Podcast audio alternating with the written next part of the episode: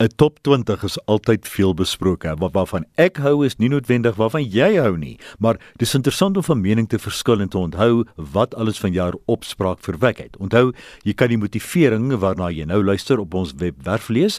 Dis rsg.co.za, dan klik jy op fliekrubriek hiervoor.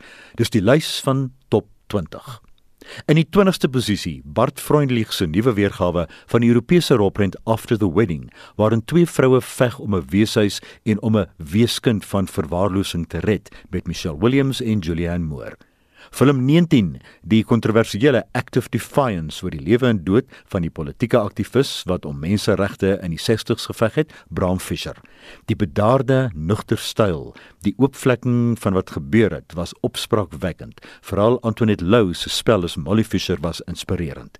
Film nommer 18, sekerlik die mees onverwagse verrassing van die jaar wat bewys moet nooit 'n plakkaat vertrou nie. Hustlers met 'n uitstekende en pragtige Jennifer Lopez het gaan oor 'n groep ontkleeddanseresse wat wraak neem op die mans wat hulle so verneder en misbruik het. Hustlers. Film nommer 17. Hierdie was sommer net 'n agteroorsit met 'n koppie Engelse tee en 'n komkommer toebroodjie. Die heerlike roprent weergawe van die TV-reeks Downton Abbey was sommer net pure onbevange lekker kry film 17.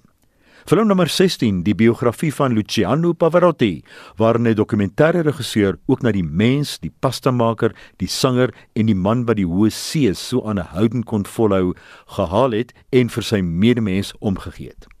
Film nommer 15, 'n klein skaamroprent wat geen reklame gekry het nie en deur bittermin mense gesien is. Die charmante Fisherman's Friends, wat gaan oor 'n groep Ierse vissermanne wat soos engeltjies met visse aan hulle vlekkies kon sing en toe 'n platekontrak losgeslaan het. Fisherman's Friends was verkooplik. Film nommer 14, 'n plaaslike roprent wat ook ongemerk verbygegaan het. Angus Gibson se Back of the Moon, waar die aanvoer se Firetown platgeslaan is en mense verwyder is, en 'n rampokker wat op 'n sangeres verlief geraak het en toe in 'n geveg met een van haar minnaars beland het. Back of the Moon. In die 13de plek, die uitgesproke biografie oor Elton John, Rocketman, met Terren Egerton wat 'n uitstekende interpretasie van die soms leedvermakerige sanger gegee het. Rocketman was oordadig maar knap. Quentin Tarantino kruip na posisie nommer 12 met Once Upon a Time in Hollywood, waarin hy Brad Pitt en Leonardo DiCaprio hul eie weergawe gegee het van wat gedurende die berugte Charles Manson moorde, onder andere op Sharon Tate, moes gebeur het. Once Upon a Time in Hollywood nommer 12 In die 11de posisie, die ware verhaal van 'n vrou wat handtekeninge en toe briewe vervals het en daarna die briewe en handtekeninge verkoop het tot sy gevang is. Haar verhouding met 'n goeie vriend, meesterlik gespeel deur Richard E. Grant, is onder andere verantwoordelik vir Can You Ever Forgive Me se posisie nommer 11. Nou die top 10. Die thriller genre het in 2019 lepel in die dak gesteek, maar toe pluk Jordan Peele sy mes uit met As, waarin 'n gesin geterroriseer is deur mense wat nes hulle gelyk het. Dubbelgangers het toe begin oorneem. As was oorspronklik grieselrig, donker en Lupita Nyong'o het pragtig gespeel. As nommer 10. In die 9de plek, 'n roprent wat skoonskip by 2019 se Oscar seremonie gemaak het, Green Book. Dit het gegaan oor 'n aanvanklike rassistiese Italiaanse motorbestuurder, 'n byna onherkenbare Viggo Mortensen wat 'n gay pianis vertolk deur Mahershala Ali tussen optredes moes vervoer en hoe 'n hegte vriendskap tussen die twee ontstaan het. Posisie nommer 9, Green Book. Film nommer 8. Nog een van daai klein juwele wat tussen die krakies van The Lion King, Avengers Endgame en Frozen 2 deurgeglip het omdat dit nie 'n kans teen hierdie groot simbole gestaan het nie. 8th grade. Dit was een van die mees realistiese en vernuftige uitbeeldings van waardeur 'n tiener meisie moes gegaan het op pad na volwassenheid. 8th grade was eerlik, sonder pretensie, sonder tienerklisjées en met Elsie Fisher wat selfs vir Josh Hamilton onder die stof gespeel het. Fliek nommer 8, 8th grade.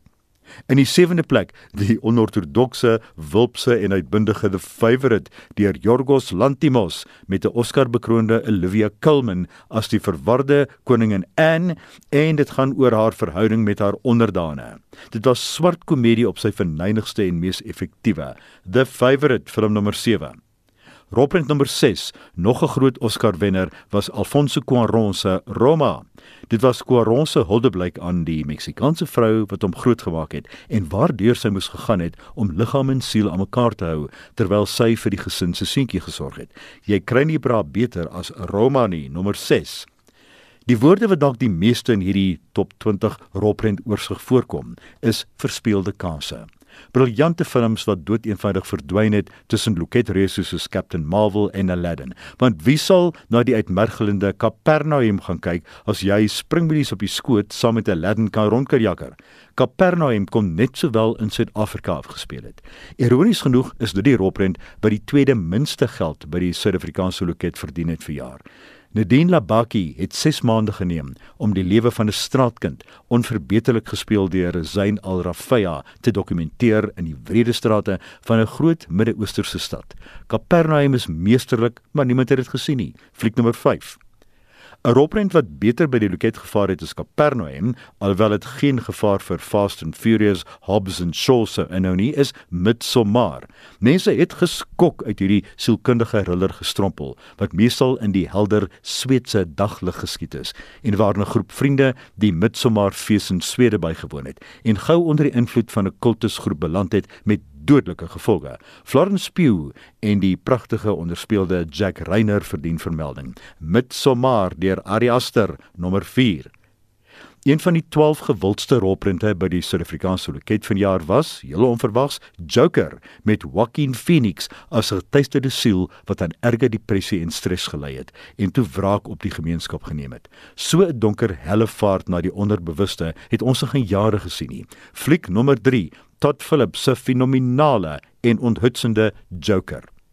In die tweede plek, 'n rolprent waar niemand my geglo het nie toe ek vir weke lank daarvan gepraat het as die mees oorspronklike donker komedie van die jaar. Tong telegramme of dan word of mouth het die rolprent uiteindelik klassieke status gegee en meer as 2 maande in teaters gebly. Parasite uit Suid-Korea. 'n Arm gesin gebruik diaboliese metodes om by 'n skatryk Koreaanse gesin te werk met verwoestende gevolge. Parasite is skitterend. Jun Ho Bong is die regisseur wat bewys as hy dit kan doen, kan ons ook. En wat my betref, die beste film van 2019, Pedro Almodovar se Pain and Glory, wat tans landwyd vertoon word. Die eksentrieke regisseur met die bossiekop en uitbundige talente raak meer bedaard en kyk terug oor die loopbaan van 'n koppige regisseur wat sy eksminnaar en akteur na 32 jaar weer ontmoet. Hy onthou wat begeerte, nostalgie, liefde, maar bovenal pyn is in 'n weergalose huldeblyk aan 'n groot regisseur en sy rolprente, Pain and Glory. Dan nou is dit jou kans om jou top 10 saam te stel. Mag die nuwe jaar nog baie goeie fliekverrassings inhou.